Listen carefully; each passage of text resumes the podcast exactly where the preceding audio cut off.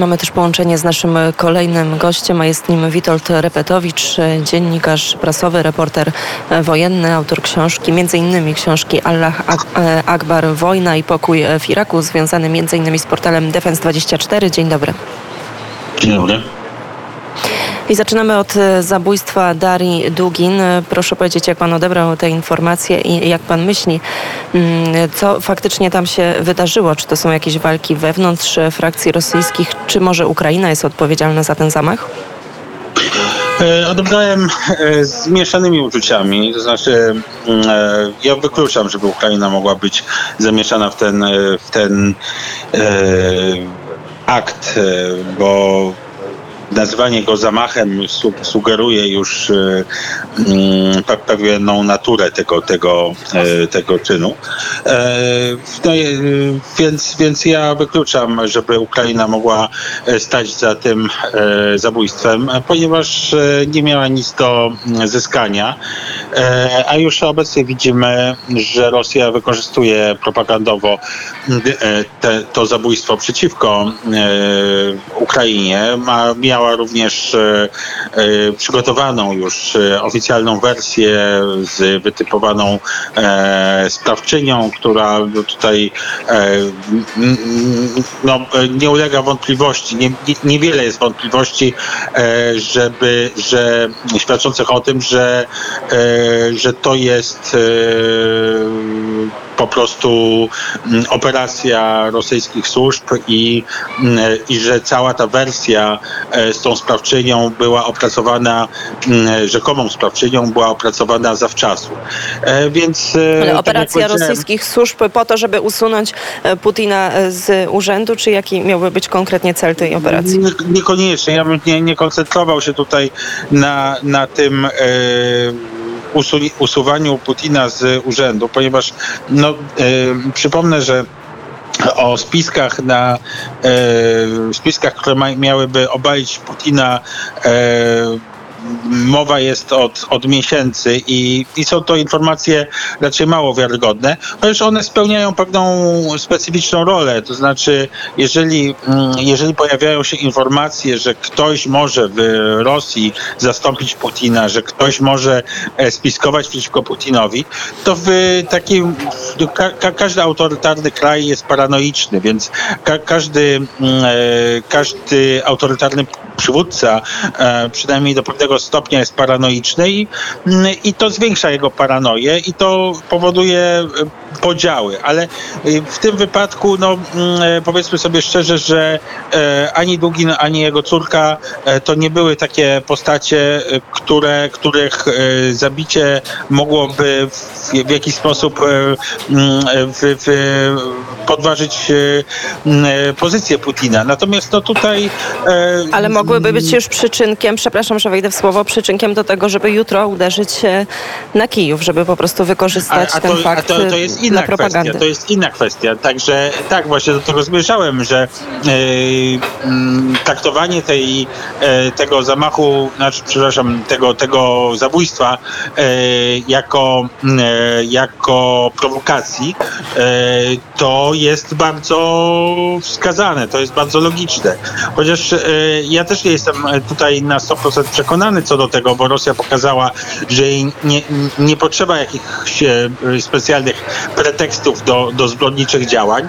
Niemniej e, pewien e, oddźwięk, jaki te, ta, to zabójstwo ma w, mm, e, na Zachodzie, czy nawet w Polsce, e, kreowanie mm, ofiary jako dziecka, jako mm, uderzenie, uderzenie w ojca przez zabicie dziecka, e, podczas gdy Dugina była 30-letnią kobietą bardzo mocno zaangażowaną w zbrodniczą działalność e, polegającą na podżeganiu do ludobójstwa, a nie żadną, e, żadnym dzieckiem, nie żadną 29-letnią dziewczyną, nie żadną niewinną ofiarą.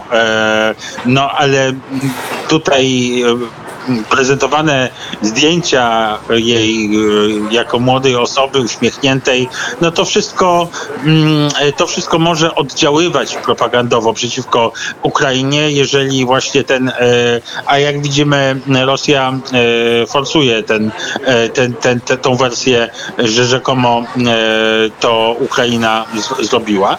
Więc tak, no, to może służyć jako prowokacja, chociaż również są możliwe inne wyjaśnienia.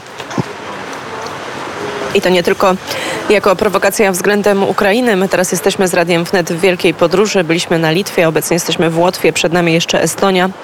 I tutaj też pojawił się ten element estoński, ale już e, na razie mm, zostawmy sprawę zabójstwa Darii e, Dugin. Przejdźmy do współpracy między Moskwą a e, Ankarą. Proszę powiedzieć, jak możemy z perspektywy tych kilku miesięcy obecnie ocenić relacje rosyjsko-tureckie? No, są kwitnące, po prostu są kwitnące e, i one się pogłębiają na każdym kroku. E, przypomnę, że mm, e, niewielu jest przywódców państw, którzy się spotkali z Putinem po 24 lutym. Natomiast Erdogan jest osobą, która spotkała się z nim dwukrotnie po, po, po 24 lutego. Także mm, to mówi samo za siebie. Turcja stała się oknem na świat e, dla Rosji. E, również e, coraz mocniej widać tą współpracę rosyjsko-turecką. No, no generalnie Turcja odgrywa fundamentalną wręcz rolę w, w umożliwianiu Rosji omijania sankcji nałożonych na nią. Gdyby, gdyby nie Turcja, to prawdopodobnie Rosja leżałaby na łopatkach w, te, w tym momencie. Także to jest ogromna pomoc pomoc, jaką udziela Turcja Rosji. E, no i widać e, tutaj dalsze dogadywanie się e, Erdogana z Rosjanami. Rosjanie mediują E, między Erdoganem a Asadem. Erdogan e, planuje uregulować e, stosunki z władzami Syrii po tych 11 latach wojny i po tych wszystkich wspieraniu dżihadystów w Syrii i tak dalej, i tak dalej. Teraz postanowił zrobić kolejny zwrot o 180 stopni. Mm, no i, Ale pytanie, i... panie redaktorze, czy Syria, czy Syria będzie tak bardzo chętna do tego, aby, aby, aby zacieśniać swoje stosunki z Erdoganem? No wiele wskazuje na to, że Assad e, jako taki nie jest za bardzo chętny, e, ponieważ e, wie, że gorzej niż Erdogan być nie może w Turcji, że jeżeli opozycja turecka przyjdzie do władzy w przyszłym roku, to, to i tak prawdopodobieństwo dogadania się z Turcji będzie, natomiast nie będzie prawdopodobieństwa, e, że będzie następny zwrot o 180 stopni. E, natomiast po, poza tym no, e, Assad chciałby, żeby Turcja wycofała się z, mm, z Syrii, a no, niekoniecznie Erdogan ma takie plany, więc tutaj jest wiele punktów spornych, ale trzeba pamiętać o jednym, no, tutaj przyjaciel Erdogana, czyli Putin, ma duże e, wpływy w Damaszku i może zmusić, e, mm, zmusić e, Asada i wyrządzić przysługę w ten sposób Erdoganowi.